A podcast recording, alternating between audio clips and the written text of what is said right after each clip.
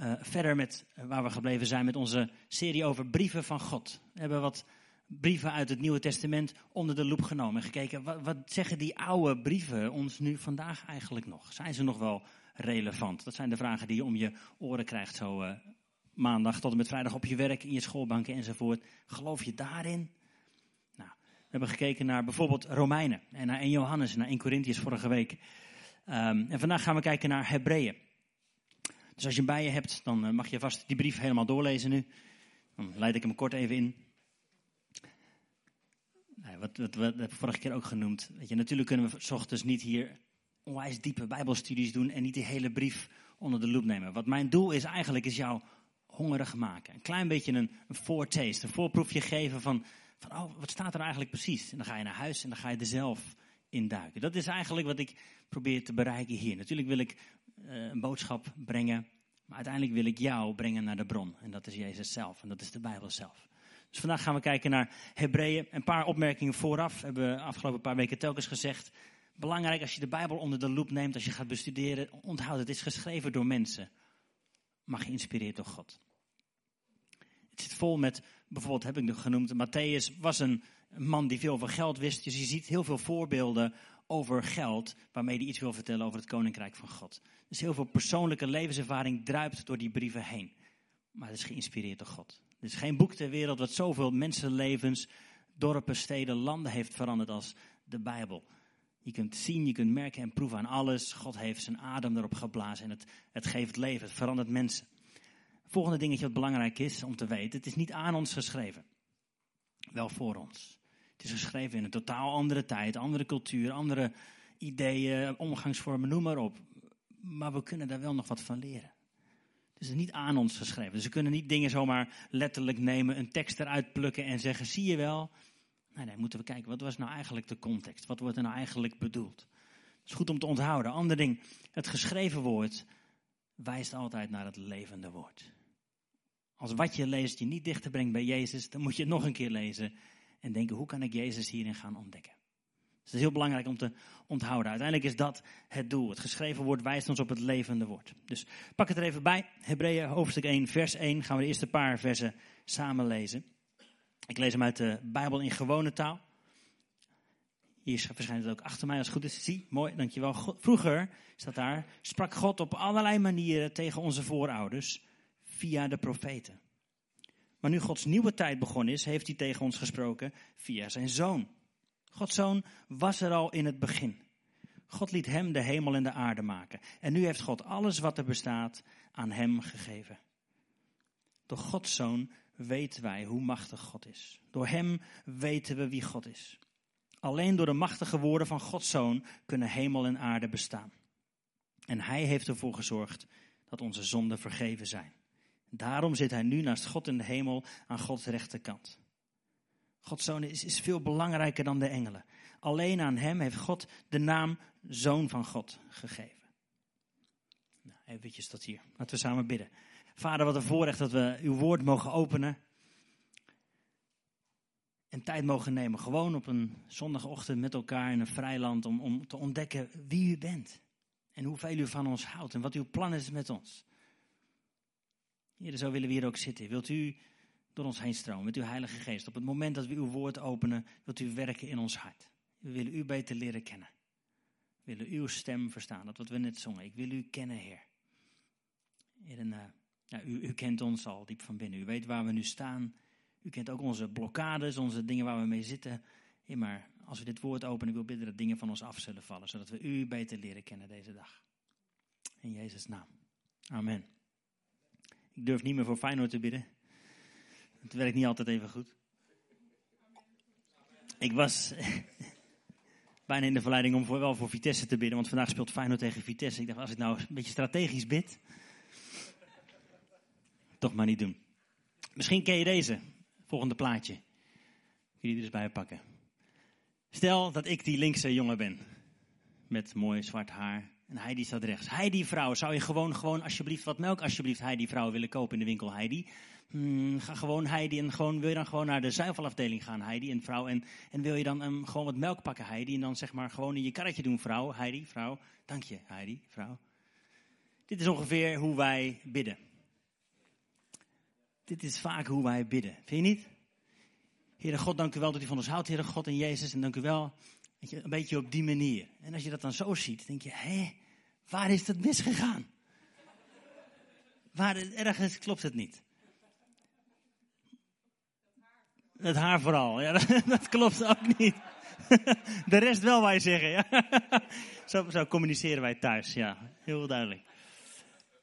Amen. Die staat er dan weer niet bij, amen. Zo is het, nee.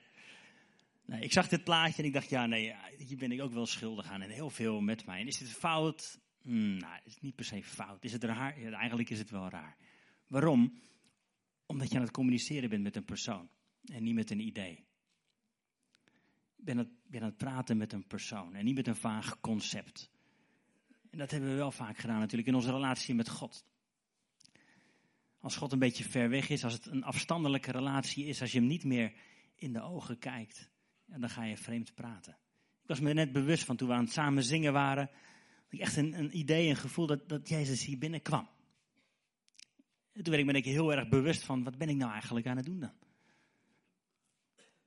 Ik ben hard aan het zingen en soms ook zuiver aan het zingen, hoop ik, maar ben ik in relatie met deze persoon voor wie ik het allemaal eigenlijk aan het doen ben? Dat zette me er wel weer bij stil. En ik hoop dat het ons regelmatig stilzet, want dit doen we vaak. Terwijl het hele verhaal van de Bijbel is, kom in relatie met mij.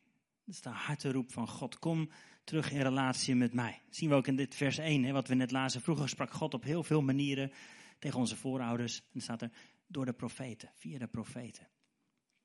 En je kunt ze allemaal doorlezen, alle profeten. En dan ontdek je eigenlijk dit. Kom terug. Kom terug. Dat is Gods harteroep. Waar ben je naartoe gegaan? Kom terug. Ik zat pas eens af te vragen, stel nou dat ik thuis kom en ik heb in mijn portemonnee op zich geen foto's, maar stel nou ik kom thuis, ik gooi mijn portemonnee op, tafel en daar zit een foto in van een andere vrouw. En hij die vraagt mij, uh, wat is dit? Ah ja, dat is gewoon iemand die ik ken, met wie ik regelmatig contact heb. Het is echt leuk contact en ja, kan ik af en toe mijn hart mee delen. Ik zou een knal van mijn hartjes krijgen thuis. En terecht. En terecht. Maar dat is wel het verhaal van wat we lezen, zeker in het Oude Testament, wat de profeten verkondigen aan het volk van God. Het volk van God hoorde bij God, was getrouwd met God. En toch hadden ze foto's van andere vrouwen in hun zak, hadden ze andere beelden die ze af en toe gebruikten. Gingen ze vreemd. En het hele verhaal van die profeten vroeger was, kom terug in relatie met mij. Dat is denk ik, als je straks het boek Hebreeën in één keer helemaal doorleest, heb ik afgelopen week weer gedaan, dan staat dat er eigenlijk ook levensgroot boven. Kom weer terug in relatie met mij. Ga niet vreemd, ga geen andere dingen doen. Waar ga je naartoe? Keer terug, kom terug. Ook een mooie, wees waar je bent, moest ik aan denken. Wees waar je bent. Dat is echt een levensles om te leren. Vroeger, ik kom uit zo'n. Uh, in mijn tijd was het nog modern, nu niet meer, maar uit een gebroken gezin. Mijn ouders waren ook uit elkaar. Ik had een afwezige vader. Fysiek afwezig. En dan merk ik zo vaak bij mezelf dat het voor mij heel makkelijk is om, om mentaal afwezig te zijn. Ik zit wel aan tafel, maar ik, ik ben totaal ergens anders mee bezig. Terwijl de rest van het gezin gezellig aan het kletsen is met elkaar, relatie heeft met elkaar, is voor mij heel makkelijk om ergens anders te zijn. En ik moet telkens weer zijn waar ik nu ben. Dat geldt ook voor mij in, wat ik net zei, in, in aanbidding. Hoe zitten we daar eigenlijk in in aanbidding? Zijn, zijn we waar we zijn als we hier in aanbidding zijn? Als we aan het zingen zijn, onze ogen gesloten, zijn we inderdaad in relatie met degene die we aanbidden? Of zijn we ergens anders mee bezig? Letten we op de details? Het mag hoor, ik hou van details. Daarom bereiden we ons ook goed voor als we inderdaad muziek maken. Maar ben je waar je bent als je in aanbidding bent? Even kort wat achtergrond. Hebben we afgelopen paar weken ook gedaan over de brief aan de Hebreeën. Eerste vraag is altijd, wie heeft hem geschreven? Antwoord is, geen idee. Dat weten we echt niet. Is ook wel eens leuk om te zeggen als je van de Bijbel houdt. Ja, dat weet ik niet. Meestal staan we erom bekend dat we van alles wel heel duidelijk weten. Maar bij deze weten we oprecht niet. Er zijn heel veel goede theorieën, maar we weten het niet. We weten niet zeker wie deze brief schreef. Aan wie die hem schreef, hij heet aan, aan de Hebreeën, dat is het, het volk van God, de Joden, zeg maar. En waarschijnlijk is die geschreven zo ergens na 55 voor, voor 70 na Christus aan Joodse mensen. Ergens in het Romeinse Rijk. Misschien was het wel Rome, weten we niet zeker. geschreven aan Joodse mensen. En rond die tijd was er onderdrukking voor christenen. We waren nog illegaal. Je mocht op christenen jagen. Je mocht wel Jood zijn. Je mocht wel Jood zijn. Dus als je als Jood ging geloven in Jezus de Messias, was je onveilig. Als je Jezus weer af zou zweren en weer terug zou gaan naar de synagoge, was je leven veilig. En door de hele brief heen zie je dat het juist voor deze mensen geschreven is. Ga niet terug naar het oude. Als je het nieuwe hebt omarmd. Keer terug naar die relatie met Jezus. Gaan we zo verder naar kijken. Het is een hele gepassioneerde brief ook wel. Want ik zei, ik heb hem afgelopen week in één keer doorgelezen. Ja, dan is het niet echt een hele mooie theologische uiteenzetting van, van alles wat we geloven als christenen. Het is echt een harte roep. Grappig, het is 13 hoofdstukken dik en aan het eind zegt de schrijver: Ik heb jullie een korte brief geschreven. Weet je, voor hem voelt het waarschijnlijk als één lange uitademing. Het is best een lange brief. Maar je voelt de passie die er doorheen spat, door deze brief. Ik heb een korte brief geschreven en ik vraag jullie met klem: doe wat erin staat. Nogmaals, je moet hem gewoon even lekker zelf lezen. 13 hoofdstuk is niet heel lang. Ik vond deze Bijbel in gewone taalvertaling wel prettig lezen. Het is altijd goed om de meerdere naast elkaar te leggen. Nou, een paar dingen die er voor mij dan zo uitspringen. Nummer 1, en dat staat boven mijn kopje in deze vertaling. Door Jezus weten we wie God is. Dat staat met punt 1. Door Jezus weten we wie God is. Soms heb je dat als je de Bijbel leest, maar ook in het dagelijks leven. Waar is God? Waar slaat het op? Hoe kan dit, dit kan ik niet rijmen met mijn idee van God.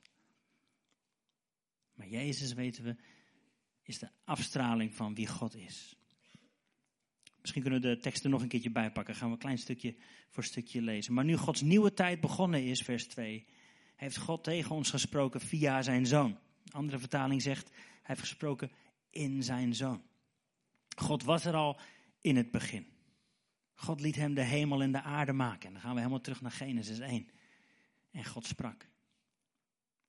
Het woord van God was daar. Jezus zelf was daar. Helemaal aan het begin was Jezus al daar. Deze man die we vaak in kinderbijbels zien met zo'n mooi lang shirt aan en zo. Hij was daar. Helemaal aan het begin. Het woord van God heeft de hemel en aarde gemaakt. En dan staat er, en nu heeft God alles wat er bestaat aan hem gegeven.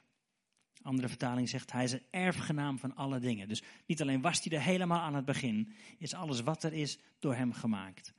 We weten ook, alles wat er ooit zal zijn is voor hem gemaakt. Uiteindelijk is hij de eigenaar van alles wat zal zijn. Dus hij was er aan het begin, hij is er aan het eind. Door Gods zoon weten we ook hoe machtig God is. Het is de afstraling van zijn heerlijkheid, zegt een andere vertaling. Door hem weten we wie God is. Het is de afdruk van Gods eigen wezen. Alleen door de machtige woorden van Gods zoon kunnen hemel en aarde bestaan. Dus niet alleen was hij er aan het begin, is alles door hem. Niet alleen is hij aan het eind en is alles voor hem. Ook nu bestaat alles in hem. Soms denken we dat Jezus eventjes er niet is, dat, dat wij aan onze aandacht ontsnapt zijn. Alles wat er is bestaat door hem. En hij heeft ervoor gezorgd dat onze zonden vergeven zijn. Daarom zit hij nu naast God in de hemel aan Gods rechterkant. Wauw.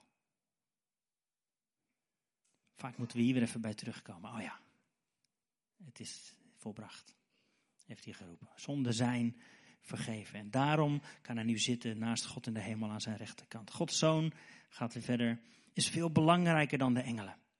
Alleen aan hem heeft God de naam Zoon van God of een uitnemender naam boven alle namen als erfdeel gegeven. Hoe vaak zingen we dat nog niet? Name above all names. Wat is, er is iets met een naam. Toen onze kinderen geboren werden, hebben natuurlijk bewust nagedacht over, ja, wat, wat zeggen we eigenlijk zo straks 50 keer per dag tegen die gasten? Je spreekt wel iets over ze uit natuurlijk. Ze hebben heel bewust nagedacht, samen met God gedaan. Hoe mogen we deze kinderen noemen? Want er is iets met een naam. Er is iets met een naam. En Jezus is de naam boven alle namen. Het is wel ook wel weer typisch dat er zoveel gevloekt wordt met de naam van Jezus. Er is iets met die naam. Of je nou wel of niet in hem gelooft, er is iets met die naam. Naam boven alle namen. Dus door Jezus weten we wie God is. Het is de afstraling van zijn heerlijkheid. Probeer het maar. Dus als je gaat praten met mensen, soms kunnen ze helemaal niet zoveel met het, concept of het idee God. Wijs het dan op Jezus.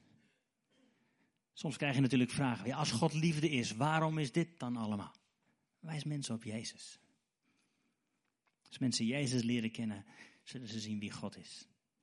Dan moeten ze wel een andere bril afzetten en Jezus gaan, gaan leren kennen. Alfons die noemde dat vorige week, vond ik een mooie vergelijking. Als, als je iets zou moeten uitleggen aan iemand die nog nooit een banaan gegeten heeft, hoe dat smaakt, hoe zou je dat dan uitleggen? Geen idee. Soms moet je het gewoon proeven. Soms moet je mensen gewoon zeggen, maar dit is Jezus. Proef het, probeer het. Kom eens tien keer met me mee. Zullen we samen eens een stuk lezen? Zullen we samen eens praten over? Proef het, ervaar het. Door God, of door Jezus ga je weten wie God is.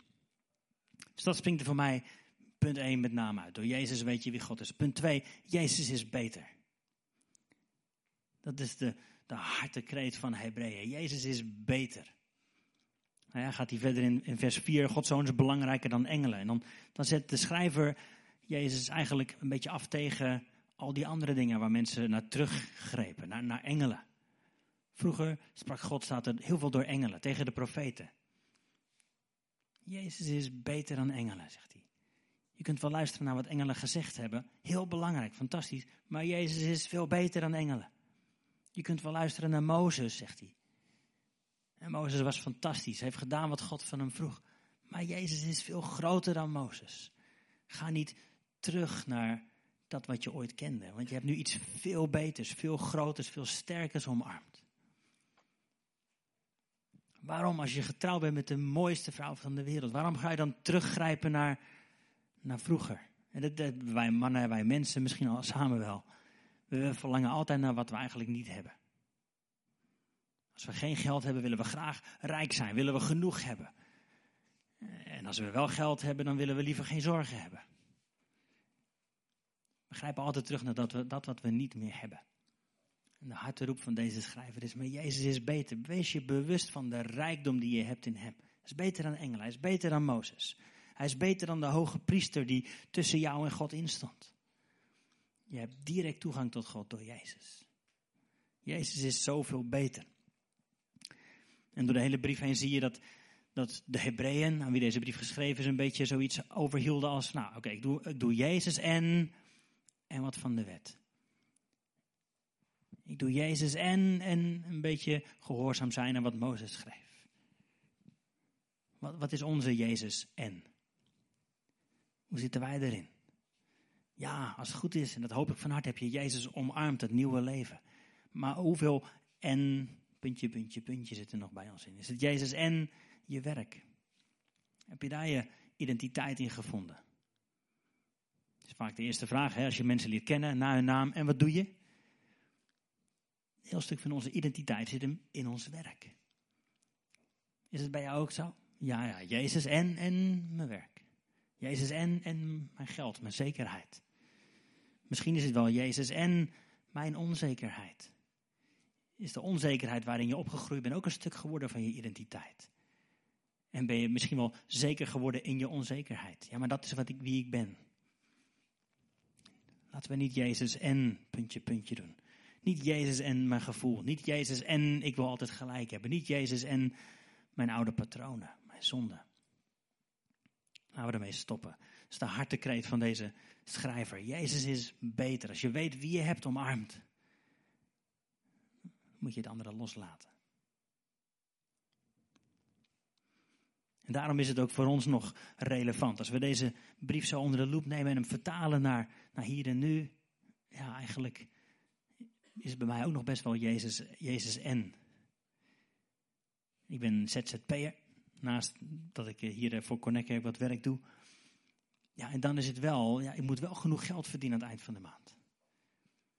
En natuurlijk is dat heel relevant en waar en nuttig.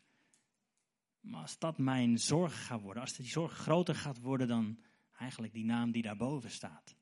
Dan is het bij mij ook Jezus en, puntje, puntje, puntje. Wat is jouw en? En ben je bereid om te zeggen, nee, dat is lager, dat is minder. Ik kies voor Jezus daarboven. Dus dat, door Jezus weten wie God is. Punt 2, Jezus is beter. En nummer 3, elke dag mogen we en moeten we kiezen. Elke dag. Verbaasde me eigenlijk toen ik hem weer eens zo vers las, deze brief, hoe vaak er eigenlijk wel niet genoemd wordt. Pas op dat je je redding niet verliest. Pas op dat je niet teruggaat. En dan wordt het verhaal vaak gebruikt van, van Mozes en Jozua. Het Oude Testament. En Mozes die het volk bevrijdde uit slavernij, uit Egypte. Ze waren verlost. Het verhaal kennen de meesten van ons. Door de, de tien plagen is Egypte verslagen. De farao was verslagen. Ze gingen door de Rode Zee en ze waren verlost. Het hele volk was vrij. Eindelijk, God heeft ons gehoord. Hij heeft bevrijd. We zijn vrij. We zijn geen slaven meer. Dat was zeg maar Mozes, die ze bevrijd heeft uit slavernij. Maar deze schrijver wijst ons ook op de noodzaak van, van Jozua, van ingaan in het nieuwe land. Want zo heel veel ging er natuurlijk niet in dat beloofde land. Van het hele volk wat, wat bevrijd was uit Egypte, gingen er maar twee uiteindelijk dat beloofde land binnen. Jozua en Caleb. De rest was ook bevrijd van zonde, van slavernij, noem maar op. Waren allemaal bevrijd. Ze waren vergeten dat ze elke dag die keuze moesten maken om God te geloven, om te vertrouwen, om uiteindelijk dat beloofde land binnen te gaan. En zonder nou weer moeilijke wetten op elkaar te leggen. Dit is ook voor ons nu wel heel belangrijk. Natuurlijk mogen we vieren, ja, we zijn verlost. Ik geloof in Jezus, ik ben bevrijd. Maar gaan we ook die volgende stappen zetten, vandaag en morgen. Het is één ding om uit Egypte te komen. Het andere ding is om Egypte uit ons te laten filteren. Pas ook genoemd, een stuk heiliging, reiniging. Elke dag keuzes maken, elke dag afleggen wat niet bij Jezus hoort. Dat is ook de harteroep van deze, van deze schrijver. Jezus is beter. Daarom leg dan af wat niet meer bij je hoort. Wat in dat oude land was. Laat het daar en omarm het nieuwe leven met Jezus. We zijn er wel uit, maar komen we er ook in? Best een confronterende vraag soms. Ja, hoe, in hoeverre ben ik eigenlijk nog bewust bezig met ingaan in dat nieuwe land? Het nieuwe koninkrijk omarmen, het oude loslaten. Dus hou vol, elke dag maken we een keus. Nummer vier, wat mij opvalt in dit boek, dat wordt zo eventjes tussen neus en lippen genoemd. In hoofdstuk 6, misschien moet je het even doorlezen, we gaan het nu niet erbij pakken. Dan komt in één keer zo het fundament van geloof even erbij. Deze schrijver zegt, eigenlijk zijn jullie nog maar kinderen. Je had al veel verder moeten zijn, maar we moeten telkens weer terugkomen bij dit fundament van het, van het geloof. Namelijk dat je moet geloven in God, dat je je moet bekeren van oude en dode werken, dat je je moet laten dopen, dat je vervuld kunt worden met de Heilige Geest, dat er een opstanding der doden is en een eeuwig oordeel. Dat is het fundament van ons geloof. En regelmatig moeten we eigenlijk weer terugkomen bij Hebreeën 6 en zeggen, ben ik nog op dat fundament aan het bouwen? Geloof ik inderdaad nog in, in God? Niet als een concept, maar als in een persoon. Hoe is het met mijn relatie met Hem? Heb ik me bekeerd en moet ik me vandaag weer ergens van bekeren? Het is geloof en bekering. Doop, ben je gedoopt? Ben je gedoopt? Hoort bij het fundament van je geloof. Over een poosje zouden we graag weer een doopdienst willen organiseren. Als je nog niet gedoopt bent, denk erover na. Maar niet te veel. Doe het ook gewoon. Wees gehoorzaam. Ben je vervuld met de Heilige Geest. Hoor nou echt bij het fundament van je geloof. Dat is niet een extra optie die je ergens aan kunt kruisen of niet, want zo trek ik het ook wel. Het is het fundament van je geloof. Dan gaat hij verder over opstanding der doden. En er is een eeuwig oordeel. Best confronterende dingen, maar dat is het fundament van wat we geloven. Goed om eens over na te denken. Dat valt ook op, het fundament van geloof. Nummertje vijf dan voor mij, geloofshelden. Bemoedigend om dat nog eens door te lezen in Hebreeën hoofdstuk 11. De geloofshelden. Je ziet door het hele boek heen, mensen, we zijn bezig met een wedstrijd, met een race. En we zijn niet de eerste die die race lopen. Kijk eens naar hun allemaal. Zij hebben die race ook gelopen. En dan wijst, wijst hier naar, naar Abel, naar Henoch, naar Noach, naar Abraham, Isaac, Jacob, Jozef, Mozes. Zoveel mensen die die race gelopen hebben, die zijn vast blijven houden aan de belofte van God. Door veel moeilijkere omstandigheden waar jij en ik soms in zitten. Ook al kun je dat niet vergelijken misschien. Geloofshelden, mensen die ja hebben gezegd, opnieuw en opnieuw en opnieuw. En dwars door allerlei obstakels hebben ze hun geloof in God weten vast te houden. En de schrijver zegt, deze mensen staan om ons heen ons toe te juichen. Laten we dus afleggen wat niet meer bij ons hoort en onze focus op Jezus houden. Wat we net zongen, my focus is Jesus. Deze geloofshelden zijn ons voorgegaan. Alfons die noemde dat ook vorige week. Dat waren ook gewone mensen van vlees en bloed met hun strijd, met hun vragen, met hun twijfels. Maar ze zijn ons voorgegaan. Laat het ons bemoedigen. laat het ons aanmoedigen om inderdaad af te leggen wat niet meer bij ons hoort. Onze twijfel, onze zonde, onze oude patronen, die laten we achter daar in Egypte waar we uit bevrijd zijn. En we gaan het nieuwe omarmen. Dus deze vijf dingen nog een keer noemen. Door Jezus weten we wie God is. Dat is door de hele brief heen, spat het eruit. Jezus is de afstraling van wie God is. Nummer twee, Jezus is beter. Beter dan jou en puntje, puntje, puntje. Hou vol. Maak elke dag die keuzes. Nummer drie. Nummer vier, fundament van het geloof. Hoe zit het daarmee met ons? Vind je in Hebreeën 6 en als laatste in Hebreeën 11 de geloofshelden. Laten, ons die, laten, we die, laten we die kennen, bestuderen. En hij zegt, ze moedigen ons aan. Gezien of ongezien om, om door te gaan. Laten we dus afleggen wat niet bij ons hoort. Ik denk dat dat een mooie afsluiting zou zijn van, van de Hebreeënbrief. Ja, hoe zit het met mijn wedstrijd? Hoe zit het met mijn wedstrijd? Moet ik eigenlijk mijn winterkloffie uitdoen en mijn sportkleren aandoen? Moet ik dingen afleggen die niet meer daarbij horen? Moet ik me anders gaan kleden, mijn, mijn leven anders gaan inrichten? En vooral, waar heb je je doel op gericht, je oog op gericht? Waar heb je je oog op gericht? Misschien ken je allemaal die filmpjes wel van, van kinderen die aan het fietsen zijn en ze zien een paaltje recht voor zich. Dit is ongeveer 6 meter links en 6 meter rechts. Vrije doorgang. Maar ze knallen toch tegen dat paaltje op, want dat is waar ze hun oog op gericht hebben. Laten we niet onze ogen richten op obstakels. Laten we niet onze ogen omkeren naar waar we vandaan kwamen en naar wat we ooit hadden. Laten we onze ogen op Jezus richten.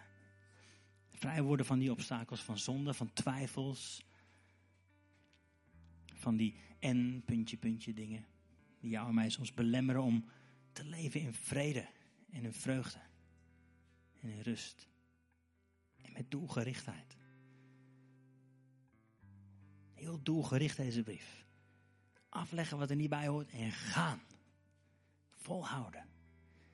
Gisteren te kijken op, uh, op het nieuws bij Sven Kramer, onze schaatser. Ongelooflijk, ongelooflijk doelgericht. Hij weet 2018 Olympische Spelen wil ik goud pakken. Afgelopen jaren stonden in het teken en staan nog steeds in het teken van die race. En omdat hij die race wilt winnen, gaat hij vandaag geen patat eten, bijvoorbeeld. Omdat hij daar wil knallen, heeft hij dingen afgelegd die er niet bij horen. Hoe doelgericht zijn wij? Of is het voor ons voldoende om te weten, ja nee, we zijn gered, is genoeg. We willen ingaan, we willen die prijs winnen. We willen afleggen wat niet bij ons hoort, wat niet bij God hoort. Dus mijn vraag aan jou is, lees die brief nog eens door. Misschien met meerdere mensen. En wat zijn de dingen die voor jou eruit springen? Maar waar confronteert het je mee? Want dat gebeurt natuurlijk ook. Als je Gods woord opent, gaat Gods geest spreken. Laat hem tot je hart spreken. En laat hem je vrijmaken van dingen die eigenlijk niet meer bij je horen. Zo samen gaan we dat laatste lied wat we net zongen nog een keer zingen. My focus is Jesus.